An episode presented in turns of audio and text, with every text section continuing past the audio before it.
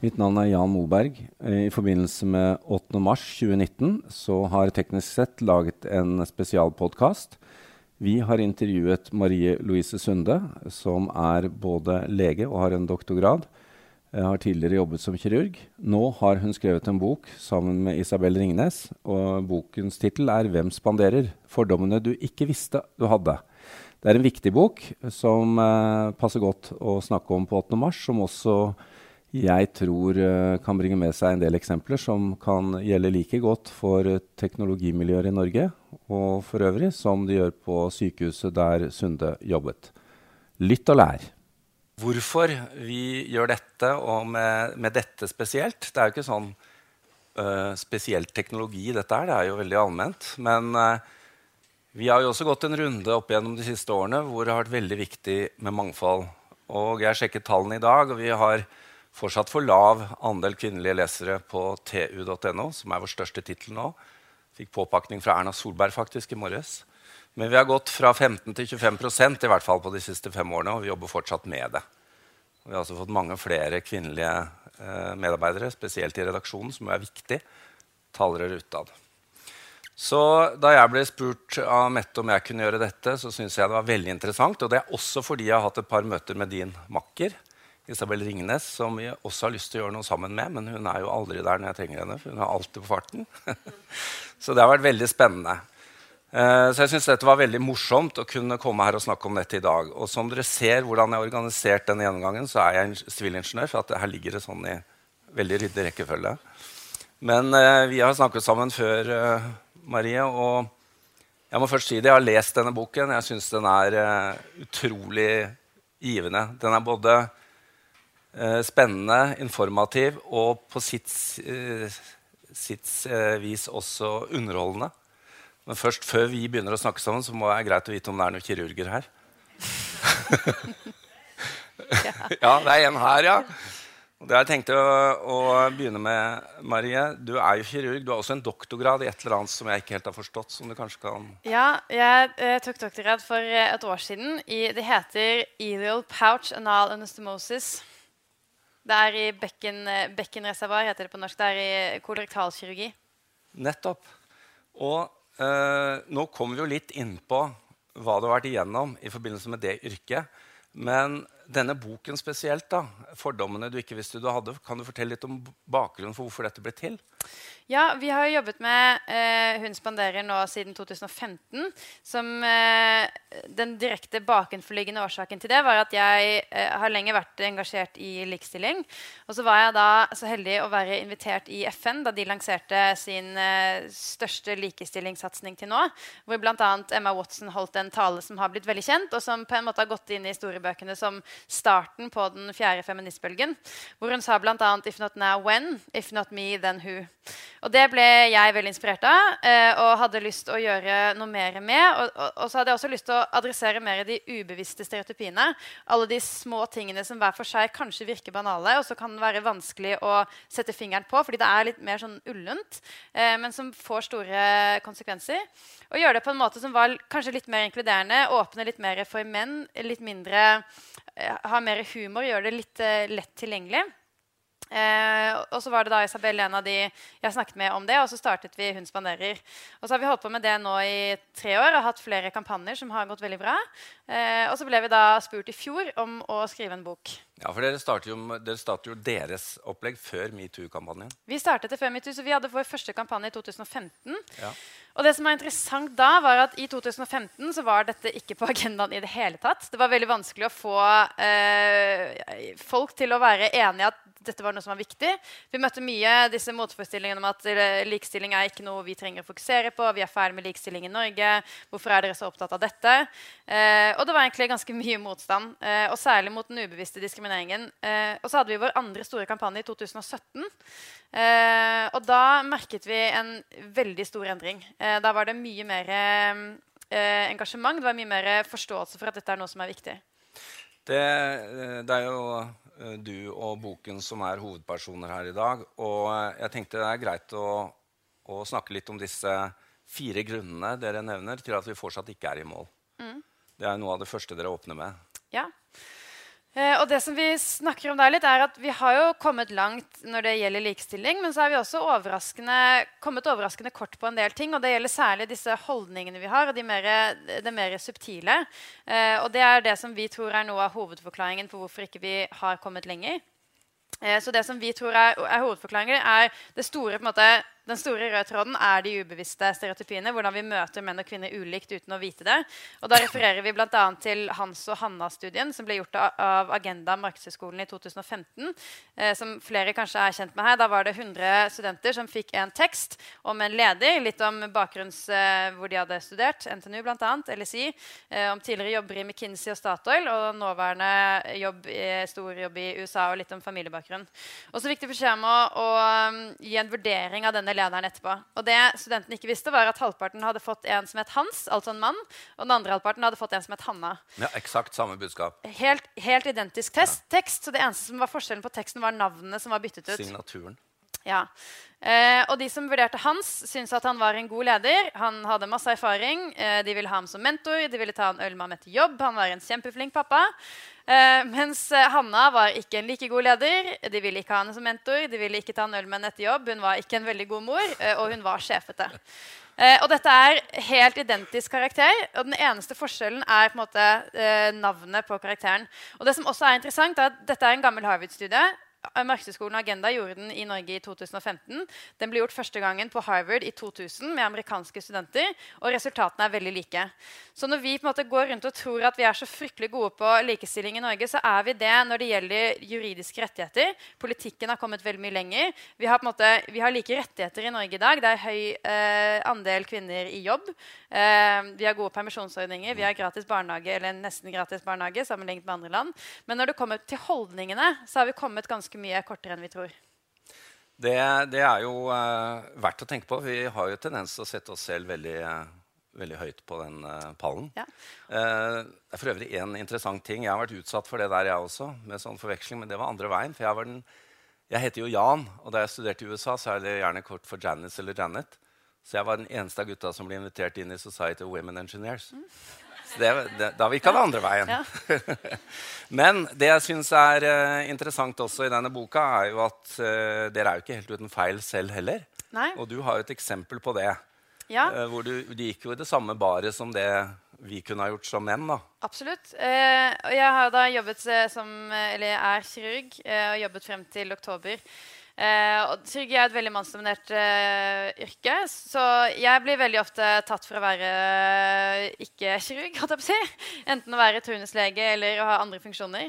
Eh, og bruker mye tid i min hverdag på å forklare at det er jeg som er kirurgen. Jeg beskriver bl.a. Eh, en historie der hvor jeg undersøkte en tolv gammel jente som jeg var ganske sikker på at hadde blindtarmbetennelse. Og hadde presentert meg da som vakthavende kirurg og hadde undersøkt henne og forklart da at det er blindtarmbetennelse, og det betyr at jeg må operere deg i løpet av natten eh, og forklarte dette til moren og spurte om de hadde noen spørsmål. Eh, og moren hadde ett spørsmål. Får vi snakke med legen før operasjon? Eh, og, så dette, Jeg opplever det ganske ofte, og det blir, jeg blir jo ganske irritert. Eh, og, og, En episode jeg skriver om der i boken også, er en gang jeg da eh, også hadde vakt. Eh, hadde veldig mye å gjøre. Jeg jobbet jo da på et Norges største akuttsykehus, så det blir ganske hektiske vakter. Eh, og skulle på operasjon på en pasient som var ganske dårlig. Eh, og hadde også da fått beskjed om fra postoperativen at vi hadde en annen veldig dårlig kirurgisk pasient på PO eh, som jeg måtte gå og se på før operasjon. Så jeg løper inn på PO på vei til operasjon, er litt sånn stressa, ser at det sitter en dame bak datamaskinen og tenker at det er en anestesisykepleier, og spør henne jeg må snakke med anestesilegen. Hvor er anestesilegen? Eh, og så viser det seg at Hun er eh, overlege anestesi. Hun er sjefen på, en måte, på for hele vaktlaget for anestesilegene på huset. Styrer intensiven og PE, operasjon og alt. Eh, og er ansvarlig for alle de anestesilegene som jeg har snakket med på telefonen i løpet av eh, kvelden. Så da følte jeg meg ganske Der gikk du bare. ja. og, det, og, det, er det som er viktig med det her. Da, at veldig mye av den ubevisste diskrimineringen det er ikke sånn at man går rundt og vil være kjip. At man har lyst til måte, at man gjør et nummer ut av og vi ser en kvinne, da skal vi putte henne, henne i en underordnet posisjon. på en måte. Eh, men det er det at vi har alle disse forventningene og alle disse fordommene i oss som gjør at vi tar en hel masse beslutninger og, og gjør en hel masse eh, assumptions på en måte, eh, som ender med at det blir en ganske skjevfordeling etter hvert. Og de sitter jo, jeg er jo i samme samfunn som alle andre, og jeg sitter med Mm. akkurat de samme innprentete fordommene. på en måte. Ja, det er jo interessant. Dere, dere nevner jo her også andre eksempler, sånn som f.eks. For forfatteren av Harry Potter. Ja. Eh, og hun har signert eh, alle sine bøker med initialer. JK Rowling. Eh, og eh, dette har vi referert fra Helene Uri, som vi har intervjuet i boken. eh, som da spekulerer i om hun gjorde det med vilje eh, for å ikke vise at hun var kvinne. Eh, og Helene Uri har gjort opptelling av eh, veldig mye siden hun ga ut en bok eh, for et halvt år siden som heter 'Hvem sa hva?' Og da har hun talt opp og finner at kvinner leser bøker av både menn og kvinner, Menn leser bare bøker av menn. Men, okay. Men kvinner skriver om menn og kvinner, menn skriver bare om menn. Eh, så hvis man vil sørge for gode salgstall, så skal man ikke avsløre at man er kvinne i navnet sitt. Og det, så det er det Helene Uri har spekulert på, da, med, om hun har signert med initialer med vilje. Det jo Det ble jo veldig bra salgstall. Ja, det ble Ja. veldig bra. Det var det til og med refusert et par ganger. Det er sikkert Ja. noen som angrer på det. Ja. Men dere er også innom begrepet mansplaining. Ja. Eh, altså hvor dere jo eh, drar opp dette med at eh, mødre har blitt forklart av menn hvordan det er å føde. ja. Det er spesielt. Det, ja, og det skjer oftere enn du tror. Jeg, har, jeg, jo, jeg, jeg blir veldig ofte forklart av eh, eh, typisk finansmenn, f.eks., hvordan helsevesenet fungerer. Eh, jeg ser ofte når vi holder eh, foredrag, eh, og da holder jeg ofte foredrag sammen med Isabel, som er ganske god på teknologi. og Da er det alltid en eller annen mannlig tekniker som skal forklare henne hvordan dataen hennes funker. Eh, så, så det med mansplaining er jo at no, noen menn kanskje har en tendens til å tenke at de kan mer om et tema enn den kvinnen de snakker med, selv om kanskje den kvinnen har all grunn til å kunne mer om temaet ut ifra bakgrunnen. Det er, eh, og det, dere har til og med, må bare nevne det. Altså, dette er et høydepunkt i boken, hvor det er også et skjema som vi kan blåse opp på veggen, som forklarer ok, er jeg trøbbel nå, eh, på hvordan du går gjennom dette. Um, dette med bagatellisering også synes jeg er veldig interessant. Og du har jo eksempelet når du sitter på vakttelefonen eh, også. Så når jeg uh, svarer på vakttelefonen, da sier jeg veldig høyt og tydelig Sunde sekundærvaktkirurgen. Eh, og som, da ringer de ofte leger inn for å enten spørre om hjelp eller for å, å få råd om ting, eller fordi de vil legge inn pasienter. Og veldig ofte, eh, det skjer i hvert fall en gang om dagen, når jeg svarer på vakttelefonen, sier Sunde sekundærvaktkirurgen, eh, så svarer den innringende legen, både menn og kvinner, å ja, er han opptatt? Står han og opererer? Er det lenge til han er ferdig? Eh, og så tenker de da bare at eh, de hører en kvinnestemme, og så hører de ikke på hva jeg sier, men de tenker kvinnestemme. Det er en operasjonssykepleier som svarer for en kirurg. Eh, vi har lyst til å snakke med kirurgen.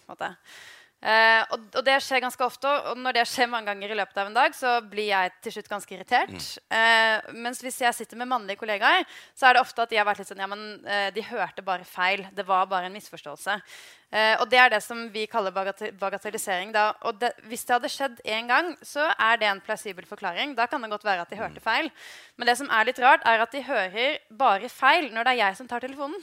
Men det er kvinner og menn som hører feil, Ja. eller er det Kvinner og menn som hører feil. Ja. Men de hører bare feil når det er jeg som tar telefonen. Så når min eh, mannlige kollega eh, svarer, så hører de ikke feil.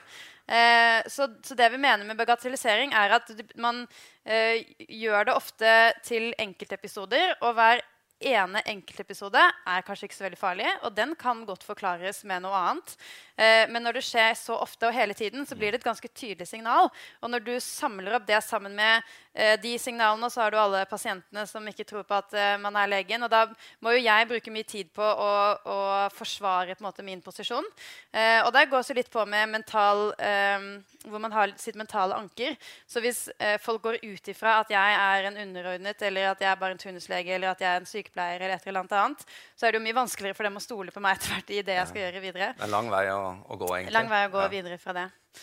Eh, det er jo kjempeinteressant. Det er kanskje blitt en, en litt for allment akseptert unnskyldning i, vår, i vårt samfunn. Da. Ja. Den, Og det kan være en god forklaring på den ene episoden, men det er ikke en forklaring når det skjer hele tiden. gang, gang etter gang. Nei. Eh, dere er også innom dette med Jeg syns det er så bra med alle disse eksemplene dere har puttet inn. Og nå bruker jeg jo dine eksempler siden det er du som er der, men Isabel har jo også en rekke. Men uh, dere snakker også om seksualisert humor og kondisjonering. Mm. Uh, du har også et eksempel på det. Uh, du hadde et avisoppslag Ja. hvor du hadde gått ut og Og det er ganske tøft. Da. Det, jeg skjønner jo det det miljøet du jobbet i. Ja, det så kommer du på jobb, er mange måter å gjøre seg ja. upopulær i det miljøet, og det er en av dem. Uh, ja, da, det var et DN-oppslag i uh, fjor høst uh, hvor jeg hadde snakket Det var om likestilling generelt, så jeg hadde jo ikke sagt noe annet enn at likestilling er viktig. Og så hadde jeg snakket om likestilling i næringslivet, og så var jeg på førstesiden av DN. og da var det han som er Eller en av de overlegene som er ansvarlig, som kom bort på morgenmøtet. og så foran alle var litt sånn Nå er jo du bedt om at vi skal ta deg på puppene hver gang du går forbi. Eh, det av, eh, og det er jo en av de måte, hyggeligere, hyggeligere, historiene. Men sånne ting eh, skjer det ganske mye av. Og nok, delvis er det en sjargong som hos noen har blitt veldig seksualisert, og som kanskje ikke de alltid skjønner at det er ganske kleint å være den eneste som står og er sentrum for det. Eh, og særlig hvis man er underordnet. Eh, og så er jo dette folk som bestemmer eh, om man får lov å operere, og hva man får lov å gjøre, og bestemmer veien videre. Eh, og så blir jo det også kombinert med, i tillegg til den type eh, episoder, så har jeg også fått høre fra tilsvarende at eh, vi har vært snille med deg til nå. Vi har snakket med overlege på andre sykehus, og du kommer ikke til å få jobb et annet sted. Som, og da er det jo etter hvert vanskelig å vite litt hvor, hva ting egentlig betyr. Og, og, da blir det jo mer alvorlig på en måte enn en eller annen uh, spøk som kanskje var litt utafor, men sånn er det på en måte. Temmelig inngrodd. Ja. Ganske inngrodd. Eh, når det er sagt, så har dere også uh, med denne ubevisste diskrimineringen mot menn. Mm. Eh, blir noen roller også undervurdert, kanskje spesielt innenfor noen yrker? Ja, og kanskje innenfor omsorgsfunksjonen er det vi skriver en del om der. For det vi, det vi, prøver å adressere i denne boken, er jo eh, hvordan vi kan ha en tendens til å begrense mennesker ut fra stereotypier. Så I næringslivet så, eller i arbeidslivet generelt så blir jo oftere kvinner begrenset av stereotypien om at kvinner kanskje ikke egner seg like godt som vi tror på et ubevisst plan.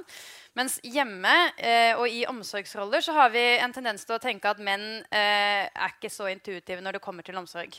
Eh, og det er alt fra eh, Vi har snakket med mange menn, og også en del forskere på eh, menn og maskulinitet, maskulinitet, at mange mødre tror på en måte ikke på at mannen klarer å ta hånd om barna, eller at man hele tiden ler av mannen når han skal følge barnehage og har tatt på noen klær som ikke er riktig. og, og, måte kanskje eh, eh skyver mannen litt unna på sånne ting. Eh, dette kan barn, ikke du, så Dette ja, kan ikke du. Ja. Og det er jo litt sånn jeg eh, holdt på å si patroniserende, men uh, det blir jo litt det der. ikke sant?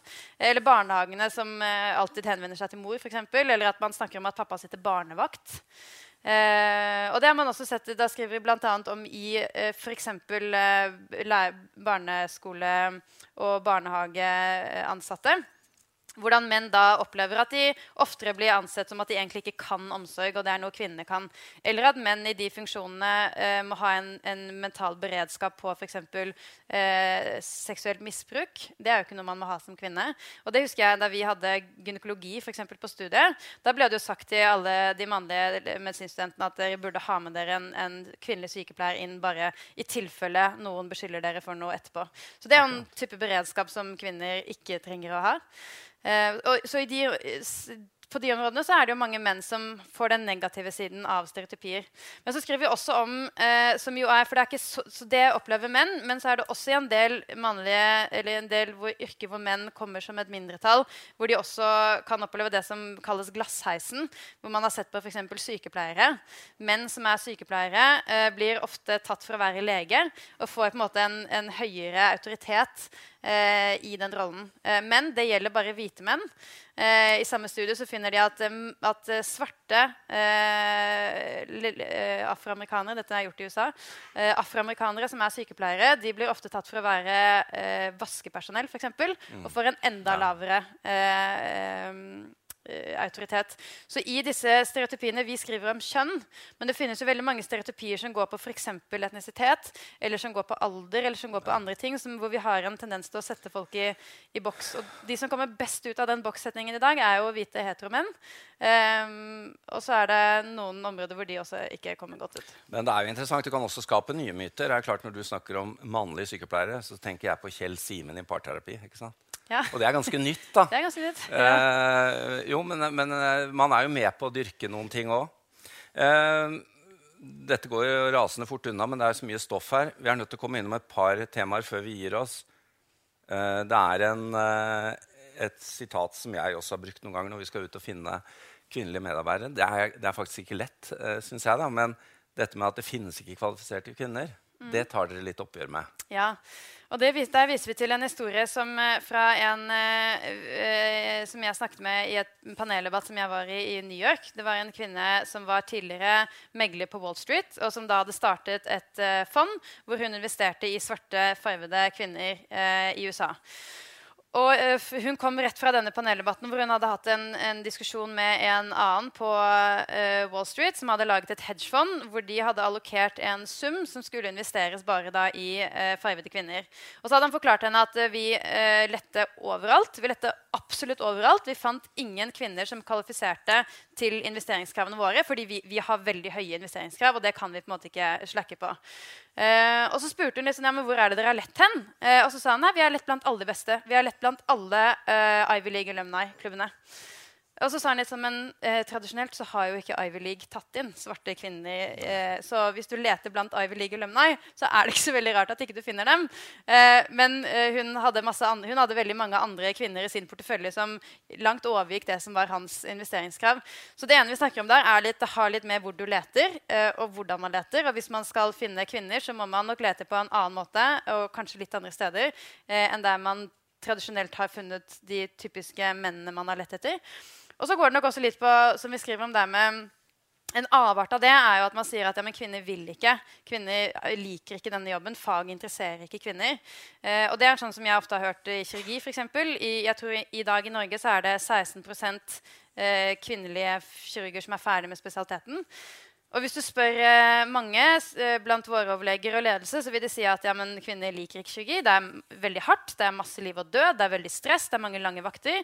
Kvinner liker ikke stress, kvinner liker ikke liv og død, og kvinner liker ikke vakter fordi de vil være hjemme med barn. Og hvis du spør meg, så er det eh, veldig mange andre forklaringer på det. det første gangen jeg var med på en operasjon som medisinstudent, da var det to overleger som sto og opererte. Og i den eh, Samtaletemaet dem imellom i løpet av de fire timene det var hvordan det er et problem at man har begynt å rekruttere kvinner til kirurgi. Mens kvinner, du var i rommet? Mens jeg var der. Dette var min introduksjon til kirurgi. Det kunne jo gått noen varsellamper. Men eh, eh, hvordan det er et problem at man har begynt å rekruttere kvinner til kirurgi fordi kvinner egner seg ikke i faget. Da jeg startet som assistentlege, så fikk jeg også høre at dette blir veldig spennende. Vi ansetter eh, ikke kvinner, fordi det pleier ikke å gå så veldig bra. Men vi gleder oss til å se hvordan det går med deg. Eh, og på toppen av det så kommer jo alle disse historiene med eh, denne sjargongen og den, denne eh, seksuelle trakasseringen osv. som gjør at for meg så er det ganske åpenbart at det er ikke de lange vaktene. Det er ikke presset. Det finnes jo mange spesialiteter hvor det er like mye press og like mye nattevakter. Gynekologi f.eks. Eh, eller anestesi, hvor det er mange kvinner. Så for meg så er det ganske åpenbart at det er kulturen som gjør at det ikke er så mange kvinner der. Eh, så, det, så, det, går litt på den årsaks, eh, forståelsen av årsak og virkning. Mm. Eh, det er ikke nødvendigvis fordi kvinner ikke liker stress, men det kan være at det, i noen mannsdominerte bransjer så er det en mer eller mindre ubevisst ekskluderende kultur for kvinner. Men det er også interessant. da, Jeg tenkte på det. Jeg har to bagatellmessige kirurgiske inngrep, men jeg har kvinnelige kirurger begge gangene. Og det har jeg skjønt at det bør jeg ha. For ja, Det er en stor studie fra British Medical Journal fra i fjor ja. som viser at uh, pasienter som er operert av kvinner, har en høyere overlevelsesrate. Men, og skal, Det er jo ikke fordi at kvinner er flinkere kirurger enn menn nei, på en måte genetisk. Men, men, det er nok fordi at uh, det har vært vanskeligere for kvinner å komme gjennom. Mm. Nåløyet har vært mye trangere. Så de som har lykkes, de har måttet jobbe mye hardere. Og fordi at uh, muligheten, eller liksom, rommet for å gjøre feil for kvinner er mindre. fordi man oftere blir på en måte utpengt og blir en representant for, for, alt som skjer. Man blir veldig synlig. Som du vet, så har jeg en haug til med spørsmål, men vi har litt tilmålt tid.